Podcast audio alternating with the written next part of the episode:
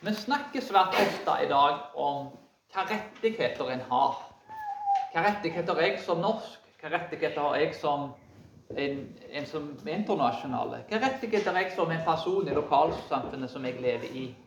Svært mange stiller spørsmål i dag om rettigheter. Det er nesten kun det samfunnet fokuserer på. Menneskerettigheter så vel som andre rettigheter. Vi har gått fra et pliktorientert samfunn til et rettighetsbasert samfunn. Det er svært få i dag som stiller spørsmålet hva plikter har jeg? Vi er altså et rettighetsbasert samfunn ikke et pliktorientert samfunn. Det var et gammelt ord, ordtak, eller et uttrykk, er kanskje et bedre ord å bruke, som heter det at det handler ikke om hva landet kan gjøre for deg, men hva du kan gjøre for landet. I dag så er det motsatt. Det handler om hva landet kan gjøre for oss, og ikke hva vi kan gjøre for landet. Så det er blitt veldig reversert. Bibelen vektlegger jo åpenbart begge deler, både plikter så vel som rettigheter. Men hva har Paulus å si om disse tingene? Hvordan tenkte en store, mektige og begava apostel, som hadde fått de nådegavene av Gud som ingen av oss har, om dette med rettigheter? Og hvordan påvirker dette vår forståelse i dag? I dagens tekst skal vi se på dette med å gi avkall på sine egne rettigheter for evangeliets skyld, og hva dette innebærer. Og hvor sentralt dette er for Paulus. Og Det er fire ting som Paulus går inn på med hensyn til rettigheter og gi avkall på sine rettigheter. Det første er spørsmålet da har Paulus rettigheter. Kan han kreve rettighetene sine? Nummer to vi ser at Paulus faktisk har rettigheter. Han svarer på sitt eget spørsmål. Nummer tre Paulus tar altså ikke i bruk de rettighetene som han har. Nummer fire han gir opp sine rettigheter for evangeliets skyld. La oss begynne med den første tingen først. Har ikke apostelen Paulus rettigheter? Vers 1-10. I vers 1 så ser vi at Paulus begynner å stille flere retoriske spørsmål. Et retorisk spørsmål er jo et spørsmål som er, der svaret er åpenbart. For jeg tenker alltid på jobb, der han spør Gud eh, Eller Gud spør jobb når det går fram og tilbake i dialog der. Det er jo da at eh, hvor var du når jeg skapte grunnlaget fra verden? Og Det er noe med dette her, at det er åpenbart at jobb var der ikke når Gud skapte verden. Slik er det med Paulus. Han stiller retoriske spørsmål der det er åpenbare svar på. Det er egentlig ikke et spørsmål. Det er et spørsmål som har et svar i seg. Og Paulus stiller disse spørsmålene for å vise at han er utsendt av Jesus Kristus. Og korinterne i hans åndelige barn Paulus forsvarer sin apostolske autoritet. Han har blitt direkte utsendt av Jesus Kristus. Han har sett den oppstanden i Jesus. Han er en apostel som er unik på mange måter, sammenlignet med dagens apostler. Apostel er jo en som er sendt ut. Så Paulus må altså forsvare seg sjøl her. Paulus bekrefter i vers 2 at han er en apostel for deg. De er faktisk segla i en apostels embete. Og et segl ble brukt med folk som hadde autoritet for å autentisere noe. Og Paulus henter jo autoriteten sin direkte fra Jesus Kristus.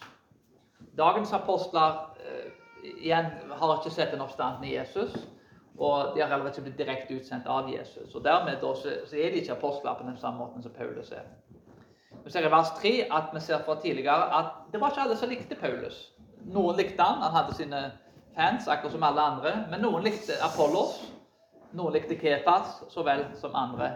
Og En av grunnene som vi har sett tidligere, at Paulus ikke alltid kanskje var så godt likt, var at eh, han kom inn i et kjødelig kirke, og han kom inn og forkynte evangeliet. Et rent bibelsk evangelie. Jeg er helt sikker på at ingen forkynte renere enn Paulus. Etter Jesus er det Paulus vi skal invitere.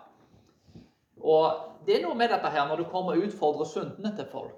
Når du kommer inn og, og velter et bord i tempelet, sånn som Jesus gjorde, og, utfordre kjødeligheten til folk, så er det ikke alltid sånn at folk klapper dem på skulderen. 'Dette var fint. Jeg har synda skikkelig nå, og nå skal jeg omvende meg.' Forhåpentligvis er det det svaret en får. Men Paulus ble faktisk mislikt av noen, for han utfordra folk og, og tillot ikke at de fikk leve i syndene sine. Og det vi ser videre I vers 4-10 så forsvarer Paulus rettighetene i lys av disse tingene til en apostel. Og Det er nettopp fordi han forkynner evangeliet rent, for han utfordrer syndene til folk, at han da faktisk det er et bevis på at han faktisk er en ekte apostel. Paulus sier at han har rett til å ete og drikke, han har rett til å ta med kona, sånn som Kefas gjorde. Og han har også rett til ikke arbeide. Dette er rettigheter som Paulus har. Paulus forsvarer dette, og spesielt dette med arbeid men stiller flere retoriske spørsmål der svaret er sjølinnlysende. Den som kriger, har rett til å bli betalt for å krige. Den som planter en vingård, kan spise av fruktene. En gjeter kan drikke melk av, av kuen, f.eks., eller geiten. Han kan høste fruktene da, av, av, det han sår og det han dyrker, så vel som av dyrene som han passer på.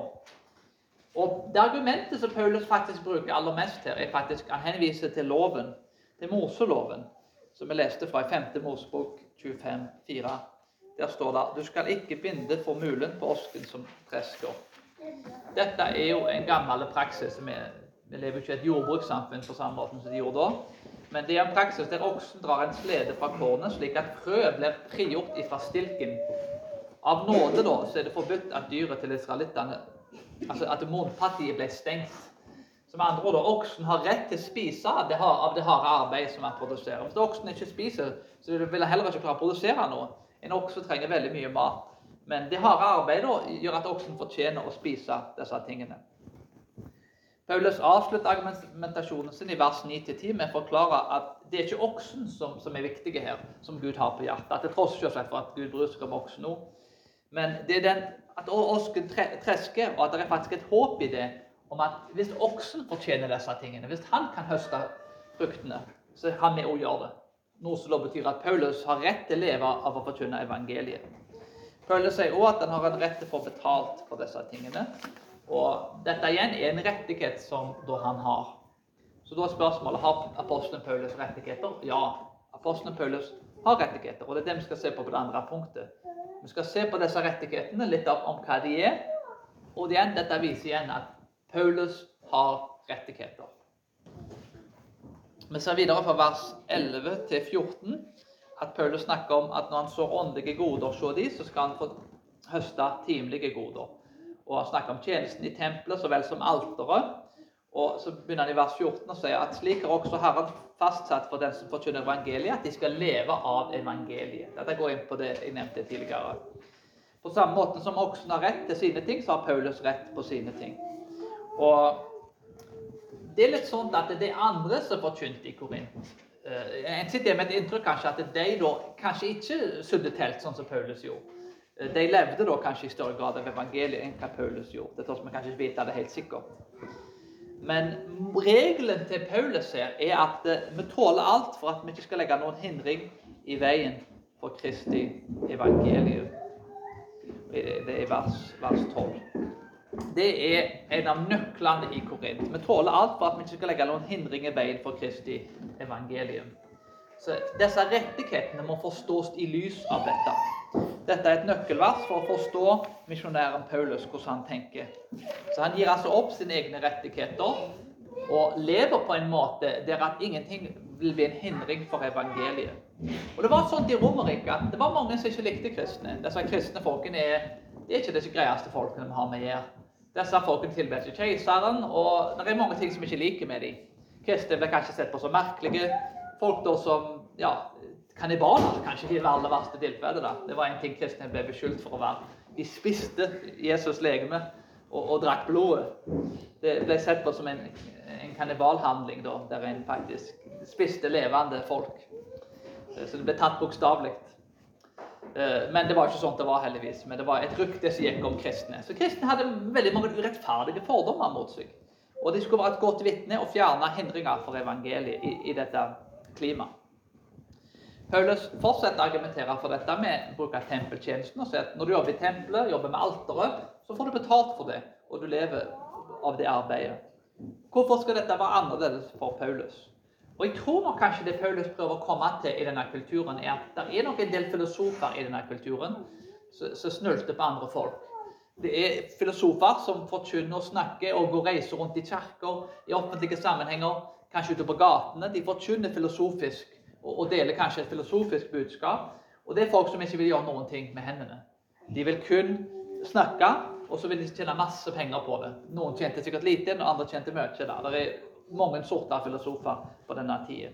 Men jeg tror det er det Paulus vil fram til. At pga. disse tingene, pga. at dette er fordommene som folk har, så må en ha det i minne når en kommer inn og forkynner evangeliet. Jeg tenker på, på dagens eh, skal ikke nevne navn, men, men Hillsong-pastorer. En av tingene som Hillsong-pastorer er kjent for, er å ha de aller dyreste merkeklærne. Altså Det er klokker som er, som er like dyre på en måte sikkert så, ja, alt, Mange av de tingene som jeg eier.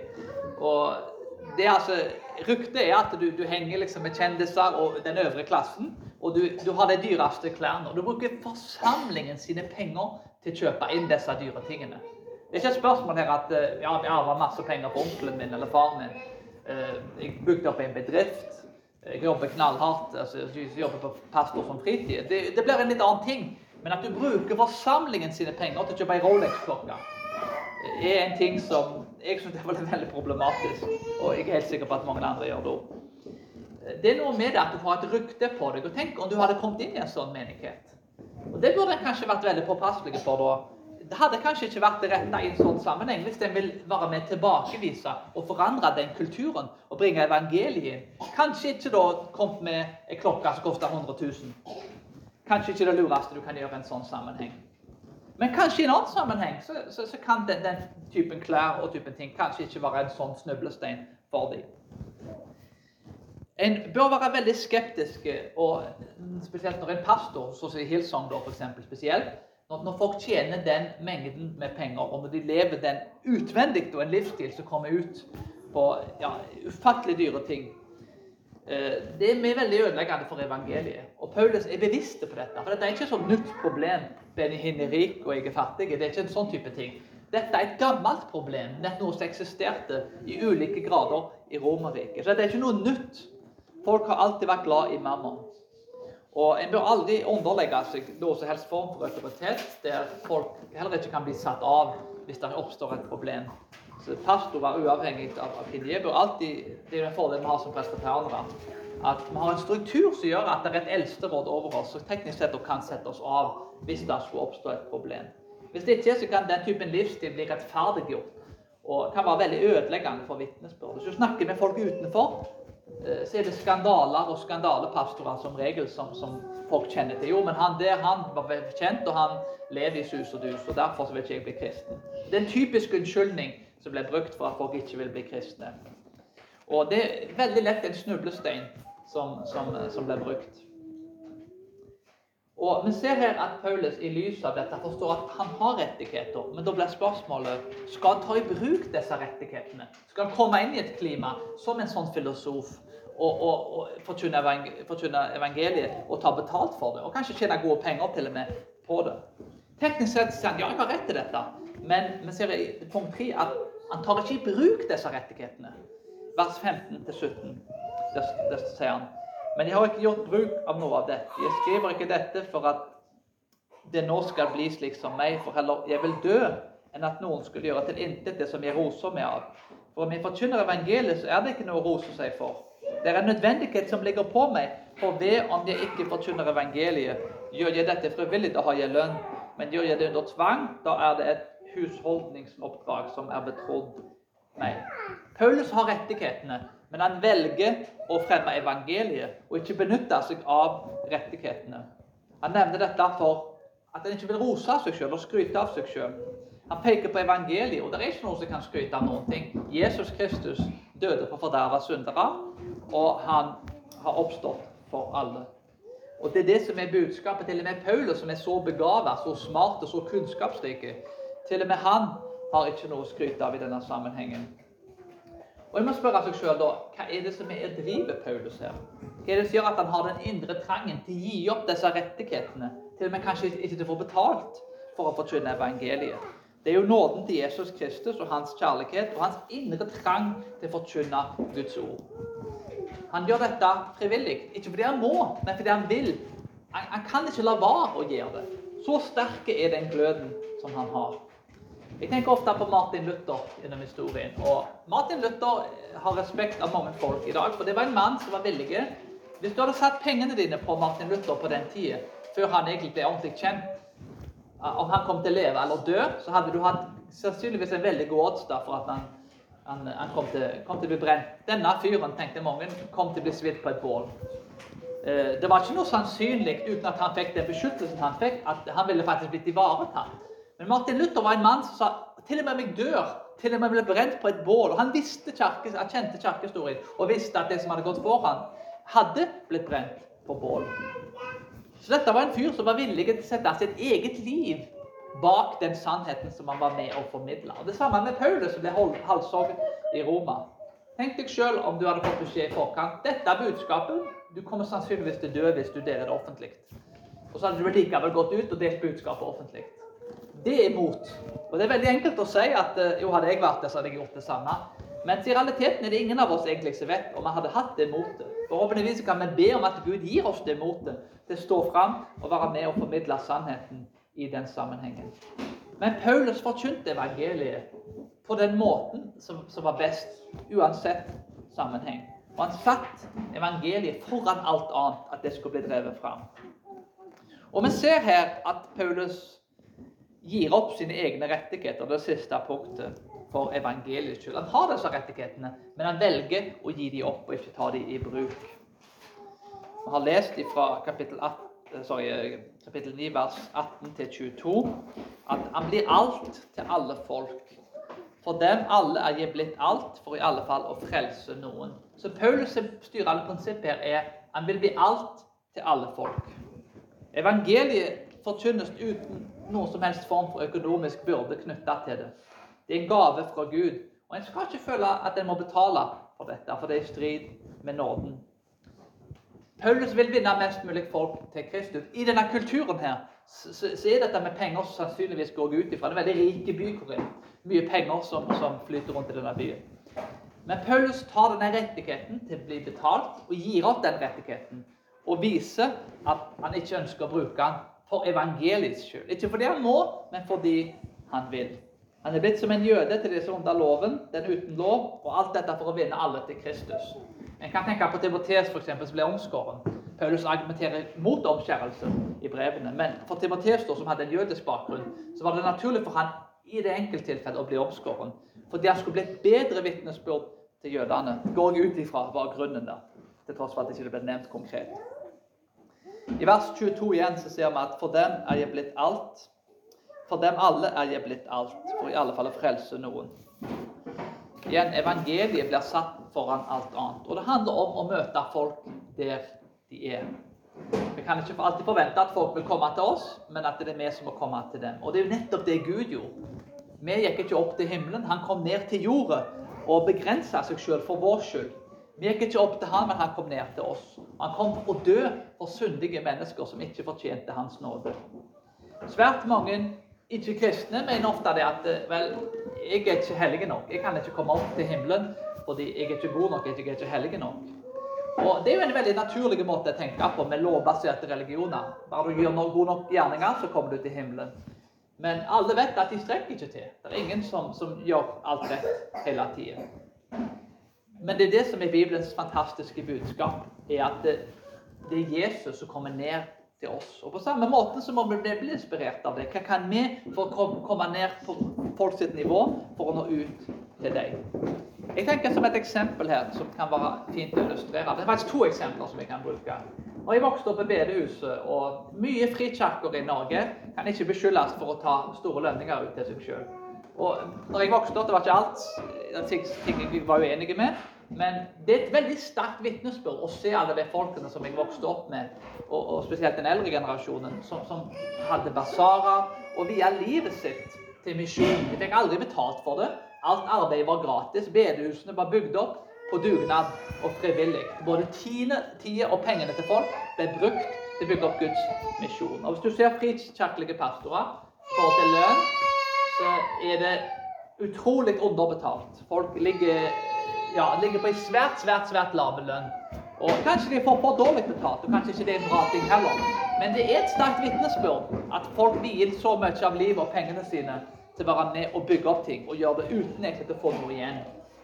Det er et veldig sterkt vitnesbyrd. Et annet eksempel som kanskje er mer kjent, og veldig enkelt selvsagt å være en, en alminnelig person, kanskje ikke bli dratt inn i dette med penger. Men Billy Graham er den største, kanskje mest kjente evangelisten i, i verden de siste 100 årene. Uh, uavhengig om en, en enig eller uenig i alt han, han, sa og gjorde, så gjorde han mye godt. Uh, Jeg er en, en stor tilhenger av Billy Graham. Mange av de tingene han gjorde. Og Billy Graham var en person som i veldig stor grad reiste rundt, og han var mye større enn Benny Hinn. Altså, han kunne blitt ti ganger større enn Benny Hinn økonomisk sett. så kunne han, han kunne virkelig levd et beste liv nå. Han hadde kjendisstatusen til å gjøre det. Han hadde forkynneregenskapene til å gjøre det. Det var en person som var utrolig begava til å forkynne. Men Billy Graham levde begrensa i forhold til lønn. Han, fikk faktisk en veldig begrensa lønn i mange år, og han var heller ikke med og hadde kontroll på penger. Han hadde sikkert rett til få mer, og han solgte sikkert bøker og gjorde andre ting. Han hadde det jo for så vidt greit, tror jeg, økonomisk. Men i forhold til hva det han kunne hatt Og tenk deg sjøl hvis du er ei verdensstjerne. Du er den kjent, mest kjente evangelisten i verden. Hvordan fristelsen kan komme inn der og tenke at jo, jeg fortjener jo å bli økonomisk velsigna. Jeg tjener, fortjener å ha masse, masse, masse, masse, masse, masse penger. Men én ting som gikk igjen hos Billy Graham, var det at mannen og forkynnelsen ble fulgt opp av integriteten hans. Folk traff ham på gata, spiste en iskrem sammen med han. Dette var den samme fyren fra talerstolen. Akkurat presis den samme fyren. Og presidenter, og de var høyre, venstre, midten, det hadde ingenting å si. Denne fyren hadde en rå integritet. Og han fulgte opp forkynnelsen sin med en moral som, som var unik. Og det er veldig enkelt å si kanskje, når en er ukjent, og, og si at ja, det, alle burde være sånn. Men når du er så kjent, så har du helt andre typer fristelser. Og Han er et stort forbilde på det. Å, gi opp de økonomiske rettighetene sine og, og bruke tjenesten som er pengemøller. Men, men leve faktisk forholdsvis enkelt da, i sammenligning med kjendisstatusen hans. Så Der er han et stort forbilde som Paulus. Nå levde jo han av evangeliet, da, i motsetning til Paulus, og det hadde han rett i. Men uh, han begrensa mye av de rettighetene som han, kanskje verden mente han burde ha. En anvendelse her er at ikke spør deg sjøl hvilke rettigheter du har, men hva som faktisk er rett. Det er stor forskjell på å spørre sjøl hva, hva, er rett, og hva er galt. Men, men, det er en helt annen ting å spørre seg selv hva bør en gjøre. Hva er faktisk rett i den sammenhengen? Og hva er et godt vitnesbyrd? Og brevene til Paulus det er forskjellige svar på disse tingene i sammenhengen som en er i. Prinsippene og Bibelens sannhet er alltid den samme. Den forandrer seg ikke. Men anvendelsen av det prinsippet vil aldri se helt likt ut. Jeg har ikke alle svarene, men noen ganger er det viktig å spørre de rette spørsmålene. Vi vinner folk med evangeliet. Ikke alltid vi retter de teologisk. Noen ganger selvsagt er det jo nødvendig. Men å være tålmodig og beskytte den svake sin samvittighet. At det ikke gjør ting som fører til anstøt og til fall. Våre rettigheter er ikke umistelige. Og hver rettighet er gitt til oss som en nådegave. Og egentlig et stort privilegium mer enn det er en rettighet. Og Det er ingen større manifestasjon av noen som gav opp sine rettigheter, tømte seg sjøl, tok på seg våre synder for å dø for oss. Vi slapp å være perfekte før vi kom opp til Han. Han tok på seg våre synder, sånn at uperfekte syndere kunne komme til Han. Jesus, skaperen av universet, han som skapte alt ut av ingenting, var ikke stor nok til at han, han grilla med disiplene sine. Han stekte mat. Altså Gud var på stranda og stekte mat til disiplene sine. Noe, du finner ikke noe tilsvarende i andre religioner.